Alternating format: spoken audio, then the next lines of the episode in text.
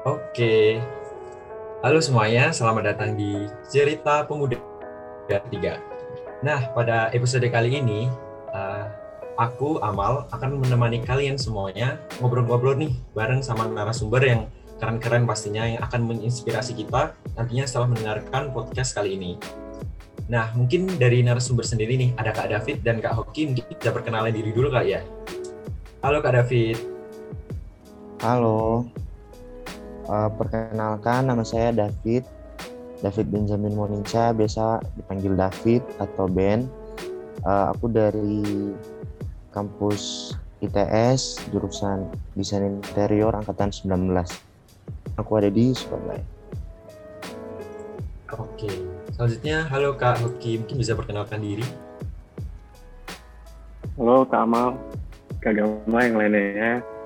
Uh, nama aku Muhammad Hoki, uh, sekarang kuliah di USU Medan, Universitas Sumatera Utara, angkatan 2018, sekarang semester 6. Oke, berarti ini uh, apa?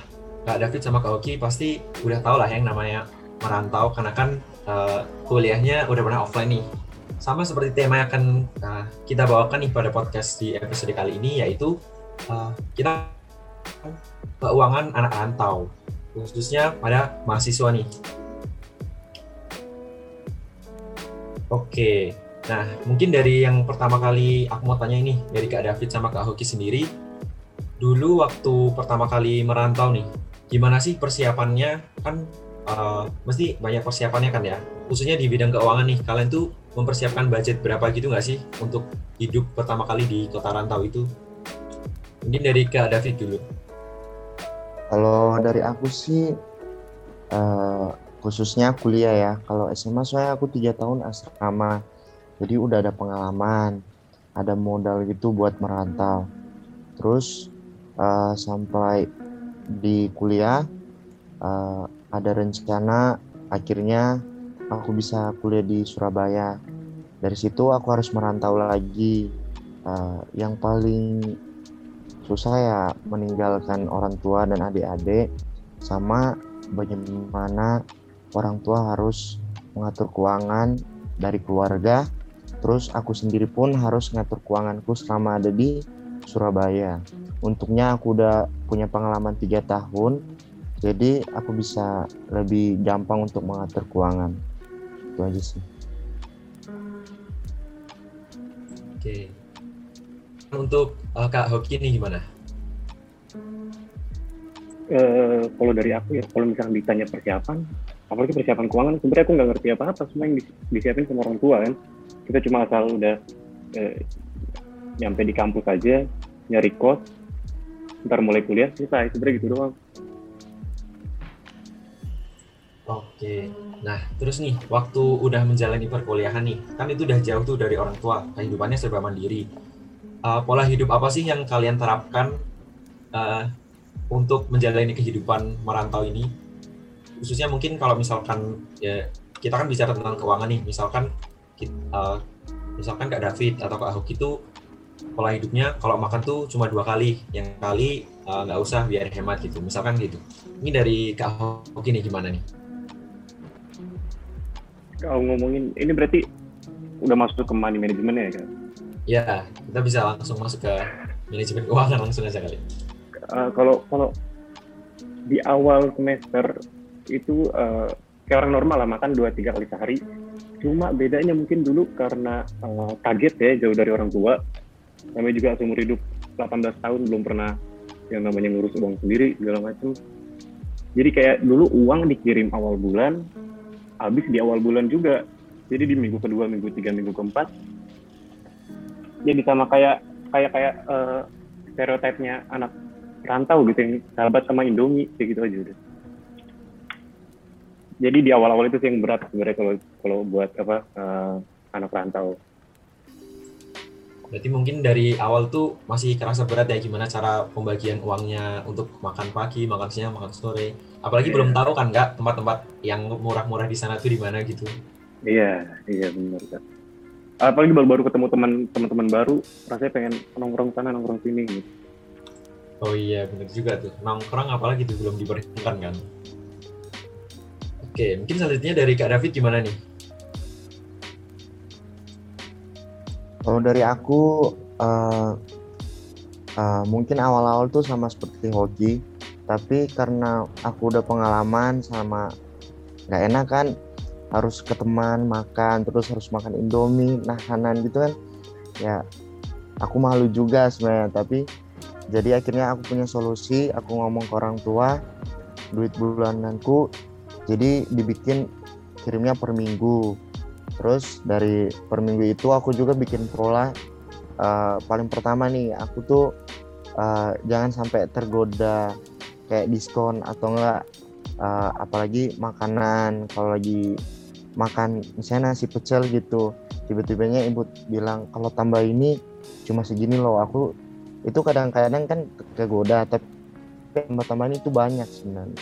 Sama kalau misalnya malam uh, kalau emang lapar tapi udah mau tidur mendingan gak usah makan. Terus nanti makannya pagi aja gitu. Supaya uh, uangnya bisa lebih hemat. Tapi hitungannya aku makannya satu sampai dua kali lah dalam sehari. Itu aja sih. Oke. Berarti intinya makannya hemat dan itu ya satu sampai dua kali aja nggak lebih gitu ya kak? Oke nah terus nih aku mau tanya. Tadi kak Hugi sempat singgung tentang nongkrong nongkrong nih. Kalau dari kakak-kakak ini semua kalau misalkan ngerantau tuh masih kepikiran nggak sih buat nongkrong sama teman-teman ya? Tapi sebenarnya nongkrong itu ya ada manfaatnya juga sih kayak menjalin relasi terus cerita-cerita bareng sama teman-teman. Tapi kan kalau misalnya kita rantau pasti terbatas tuh budgetnya. Apalagi kalau nongkrong tuh uh, seringnya pasti kayak yang di kafe-kafe gitu kan.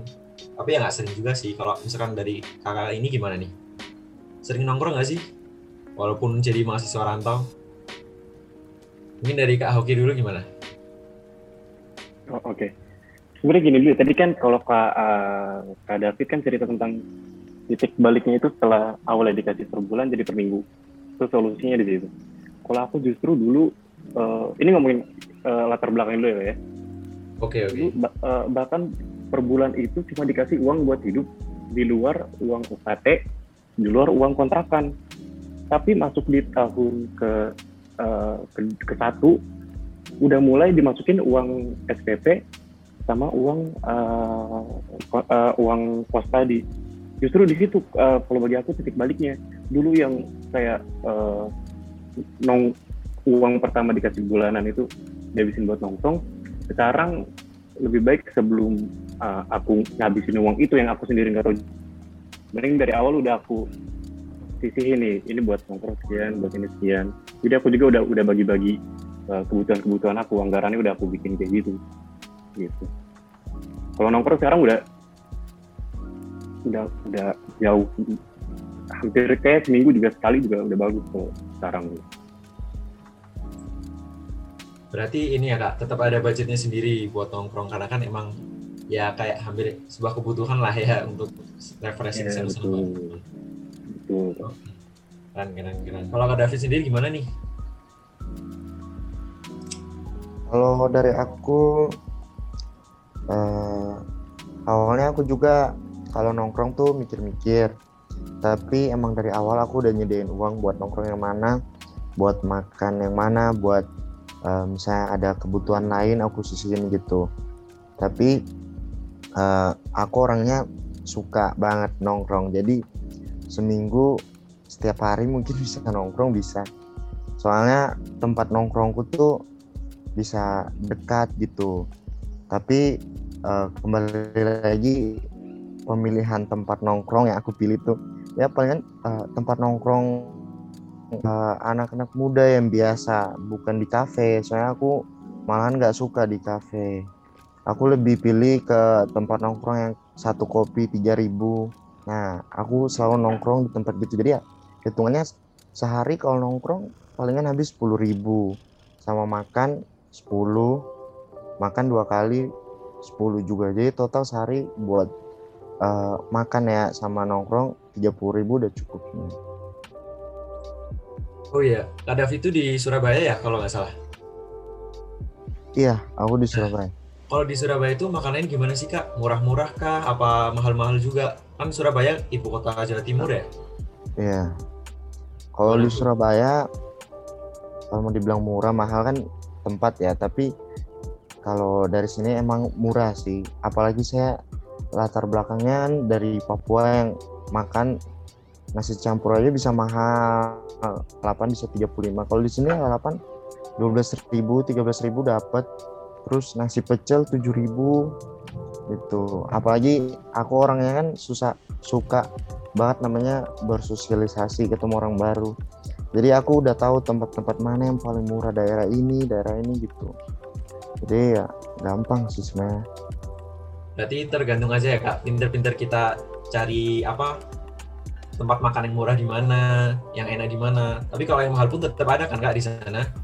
Ada Tergantung kalau mahal gimana kita milihnya aja gitu ya kak. iya Nah kalau kak Hoki nih, eh, kalau di kotanya kak Hoki sendiri nih, waktu ngerantau Hmm. itu cari makannya gimana nih? Di sana mahal eh, murah-murah juga kah atau mahal-mahal? Dan kisaran harganya berapa sih kalau boleh tahu? kalau di Medan relatif murah sebenarnya eh, bang boleh aku kebetulan aku waktu eh, tahun pertama tahun kedua kedua awal aku tuh ngekos. Ngekos jadi mau nggak mau beli lauk sendiri. Kalau lauknya itu paling hampir semua di bawah 15.000 ribu. Jadi range kalau dari 10.000 ribu sampai 15.000 ribu. Itu udah dapat makan sama minum. Cuma ya itu tadi karena dulu eh,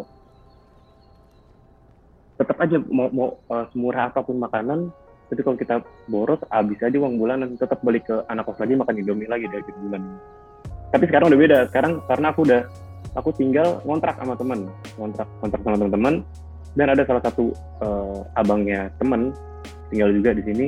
Jadi sekarang kalau untuk makan biasanya belanja bareng. Nanti abang itu yang masak. Nanti di akhir bulan kita bagi itu. Kita bagi kita ke rumah ada empat orang kita bagi empat nanti uh, uangnya gitu. jadi kesimpulannya ngontrak lebih murah sih daripada ngekos harusnya kalau bagi anak rantau. Tapi khusus cowok ya biasanya kalau cewek nggak direkomendasiin buat ngontrak soalnya cewek juga Biasanya malah jadi rumit dia ya hubungannya kalau Iya, ngontrak iya. aja.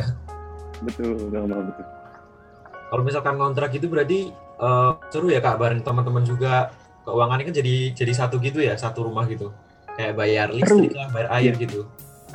justru kayaknya itu alasan aku jadi jarang nongkrong di luar karena tempat tinggal sendiri pun udah jadi tempat nongkrongan gitu kan Hmm. Bener juga sih. Jadi hemat banget ya kak itu nongkrongnya di Iya. rumah sendiri. Mm. Terus kalau kalau uh, ini kalau buat biaya biaya pokok biaya pokok yang kayak gas listrik uh, kalau buat yang kayak listrik sama uh, kebutuhan makan sama air pam itu uh, bayarnya dibagi empat. Cuma kalau misalkan uh, kebutuhan aku sendiri yang kayak wifi uh, terus adalah beberapa lagi yang yang yang, yang uh, lebih ke pribadi gitu bayar aku bayar sendiri kayak gitu. Tapi kalau misalkan dibagi bareng-bareng itu jadinya lebih lebih ringan nggak sih kak?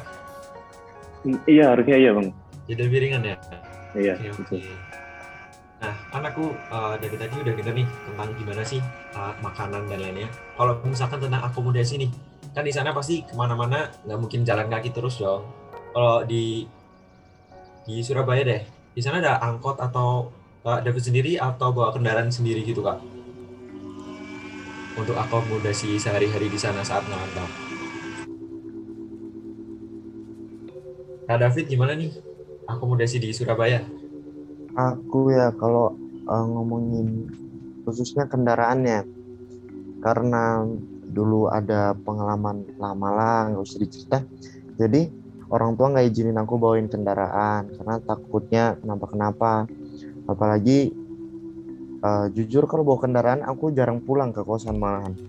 Sama eh, kalau misalnya di sini eh, awal-awal sebelum corona tuh eh, aku aku mesti harus naik kalau nggak naik grab aku pasti numpang teman yang kosnya di bawahnya bawah lantai aku jadi lebih enak sih. Sama karena uh, mulai corona ini jadi aku dapat pinjaman motor. Jadi pinjaman motor itu bisa aku pakai. Jadi untuk kendaraan udah aman sih sekarang. Gitu. Berarti ini ya kak, apa memanfaatkan teman-teman yang ada gitu ya kak? ya eh, awalnya gitu sih. Soalnya eh, kebetulan aku kan dari daerah hitungannya jadi teman-teman daerah di sini koneksinya banyak jadi minjem motor ke sini ke sini bisa sih Gampang ya. sebenarnya Tapi kalau se setauku nih kak, kalau misalkan akomodasi pakai Grab atau Gojek itu juga banyak kupon-kupon promo gitu kan, malah jadi lebih murah nggak sih jadinya? Kayak bisa cuma Iya. seribu, dua ribu gitu kan? tapi itu palingan cuma awal-awal pakai itu pengguna baru gitu. Seterusnya Oh udah. iya. mahal, Seterusnya udah normal ya kak harganya. normal. Oke oke. apalagi kampus ITS sama kosanku tuh kalau naik Grab gitu misalnya Grab motor ya. Aku nggak pernah Grab mobil males. Itu eh, tiga menit sampai. Jaraknya itu dekat gitu. Tapi kalau jalan ya lama itu jalannya lurus-lurus doang Oke, Kalau kak Hoki sendiri gimana nih? Di Medan bawa kendaraan sendiri kah atau sama nih memanfaatkan voucher-voucher Grab dan Gojek? Kayaknya malah kebalikan sama ini ya, sama Bang David. Tadi Bang David di awal malah eh, memanfaatkan teman ya. Iya iya. Kira bawa kendaraan sendiri. Kalau aku, aku justru eh, wak- sebelum corona, sebelum corona tuh eh, dibolehin bawa jadi eh, dikirim eh, mobilnya dari Jakarta ke sini. Jadi aku dibolehin bawa mobil di sini. Tapi waktu corona dan aku juga udah eh, bawaannya pengen ke Jakarta aja karena waktu itu libur. Bener-bener nggak ada kelas online juga kan, belum ada waktu itu. Akhirnya Iya, iya. aku sama temanku pengen ke Jakarta tapi naik mobil. Naik mobil lah tuh. Sebelumnya yang mobilnya tuh uh, di antaranya pakai ekspedisi gitu. Ini pas balik ke Jakarta aku bawa mobil. Terus udah di Jakarta aku aku juga uh, teman aku juga main di tempat aku. Selesailah tuh ayat ini corona belum selesai tapi waktu itu ada panggilan buat praktikum. Praktikumnya di kampus. Akhirnya aku balik ke kampus. eh, cuma mikir ini karena corona kayaknya nggak bakal jarang ke kampus. Lagi pula teman kontrakanku punya motor. Jadi aku di sini berempat yang punya motor eh, dua orang, yang satunya lagi abang-abang. Abang-abang kan nggak nggak nggak nggak kampus ya. Jadi ya udah, aku nggak bawa mobil, baliknya eh, biasa naik eh, pesawat biasa di Medan. Sekarang aku malah memanfaatkan temen yang ada motor, aku eh, eh, nebeng sama dia. Kalau nggak, kadang dia nggak pakai motor, aku yang bawa gitu. -gitu. Jadi cuma paling eh, ibaratnya di sini tuh cek-cek bensin gitu patungan patungan bensin gitu. Oh patungan bensin. Hmm. Tapi makanya bareng-bareng gitu ya kak. iya Berarti itu terus tadi itu juga it- eh, itu juga sebenarnya eh, jadi jauh lebih irit yang tadinya harus bayar bensin mobil iya juga ini ya. tinggal bayar be- bensin motor itu pun patungan gitu Oke berarti kalau misalkan patungan gitu jadi tambah hemat lagi ya kak. Pengeluarannya jadi lebih sedikit tuh. iya iya benar Oke mantap. Nah selanjutnya nih kalau misalkan tentang makanan udah, terus tadi tentang akomodasi kendaraan udah nih. Nah sekarang aku mau tanya nih, apa sih tantangan terberat yang kalian alami pada saat ngerantau, khususnya di bagian keuangan ya? Misalkan kayak pernah apa gitu pengalaman yang parah ya sampai sekarang mungkin. Eh, Kak Hoki gimana nih? Mungkin bisa diceritakan kalau panjang nggak apa-apa Kak. Kita dengerin bareng-bareng. Eh, pengalaman eh, keuangan tadi yang aku ceritain di awal ya yang eh, masih belum bisa ngatur duit segala macem. Itu di tahun eh, pertama sama di tahun kedua akhir. Terus eh, titik baliknya tadi selain yang aku di, disuruh. Jadi gini kak aku per bulan dikasih uang itu eh, termasuk UKT dan eh, kontrakan tadi kan ya.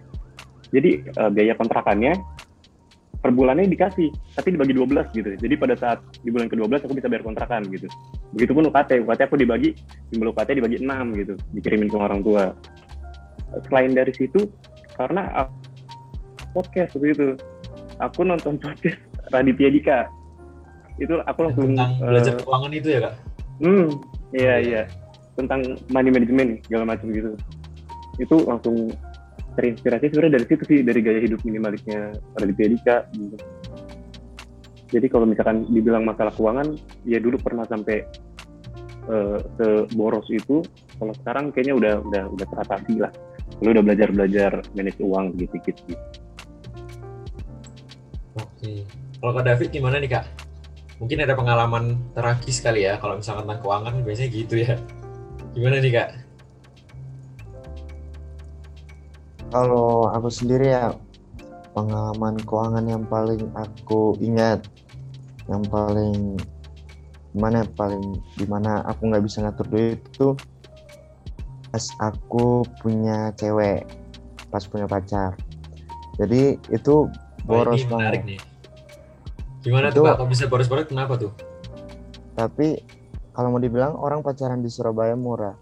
Tapi ini aku beda. Aku LDR, dia di Jakarta, aku di Surabaya. Aku setiap bulan naik kereta ke sana. Jadi aku tuh udah harus nabung.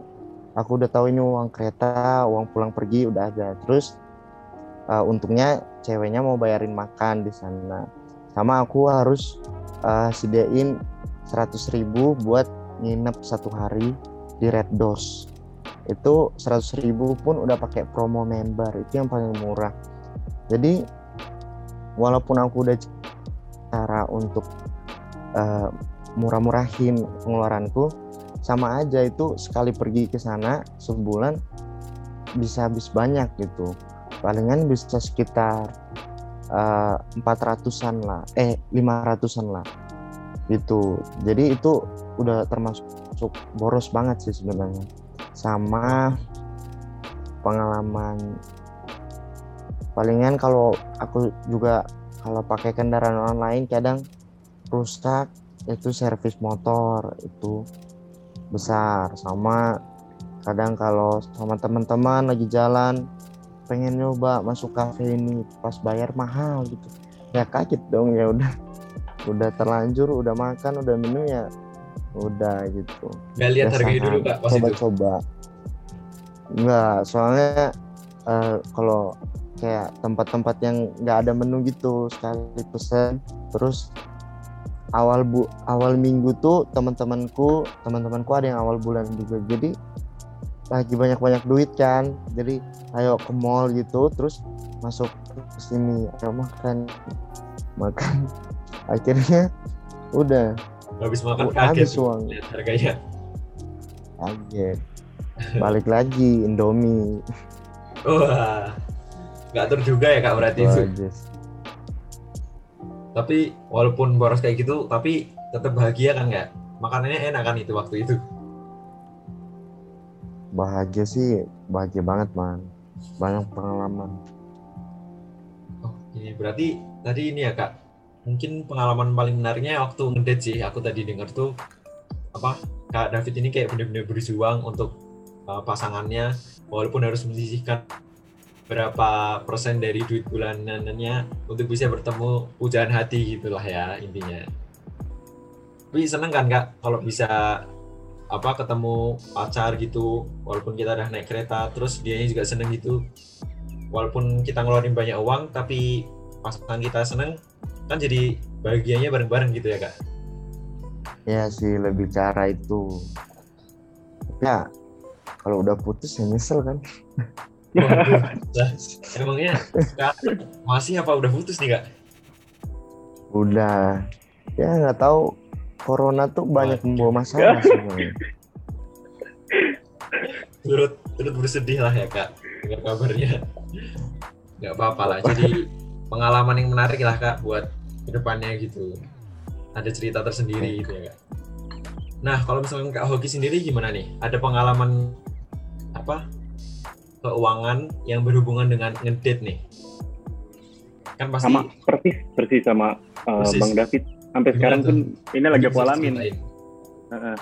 kalau Bang David kan udahan ya Bang ya kalau aku lagi aku jalanin sekarang cuma aku karena aku di Medan pacarku di Jogja kuliahnya satu kampus bareng Katania ya nah eh, kalau mau per bulan ke sana aku bisa tapi kayaknya nggak bakal bisa lanjut kuliah kalau kayak gitu terus ya jadi aku siasatin aku per tiga bulan dari uang eh, dari uang bulanan itu aku sisihin jadi tiap tiga bulan aku bisa ketemu eh, eh, cewekku itu nah kalau kalau misalkan orang lain juga kan eh, ngebagi kebutuhannya kan kebutuhan eh, kebutuhan primer sekunder gitu ya.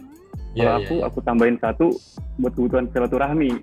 Nah di sini aku ini Boleh, boleh, boleh. buat buat diposin ke ketemu orang tua sama ketemu pacar gitu. Soalnya aku juga kalau misalnya mau ketemu orang tua pulang pun aku sisihin dari uang sendiri nggak pernah minta lagi gitu buat ongkosnya sama kayak bang David. Oke, seru juga ya ini ada cerita-cerita kayak gini tuh. Berarti ada budgetnya tersendiri lah ya kak. Jadi kalau misalkan pergi-pergi itu udah aman gitu uangnya. Ya, iya benar. Oke deh, kalau misalkan kayak gitu. Mungkin buat pertanyaan terakhir nih ya, apa sih tips yang bisa kan untuk para youngsters yang sedang mendengarkan podcast ini kaitannya dengan uh, tips and trick lah ya keuangan manajemen lah atau apa pun itu yang bisa membantu adik-adik ini bisa nantinya bisa lebih siap lah ya menghadapi dunia perantauan. Mungkin dari Kak Evi dulu kali. Gimana Kak? Kalau tipsku, eh, gimana kamu bisa jadi bagus ngatur keuangan itu dari kesalahan yang udah kamu alamin gitu. Maksudnya pada Oke, saat oke. kita bikin eh, dapat pengalaman boros, kan kita mikir, oh kalau aku gini, aku nggak bakal kayak gini. Jadi ya semua sih berdasarkan pengalaman. Sama ya palingan nggak usah beli barang-barang nggak penting atau eh, nongkrong-nongkrong gau- pergaulan kayak tempat-tempat yang mahal gitu sih. Itu kalau buat anak rantau kayak gitu sih. Oke, berarti pentingnya untuk mencoba segala tantangan dan pengalaman yang baru ya kak, biar tahu ini gimana sih rasanya, ini gimana sih, biar nanti bisa diambil pelajaran untuk depannya gitu ya kak. Iya gitu. Oke, kalau dari kak Hoki nih gimana?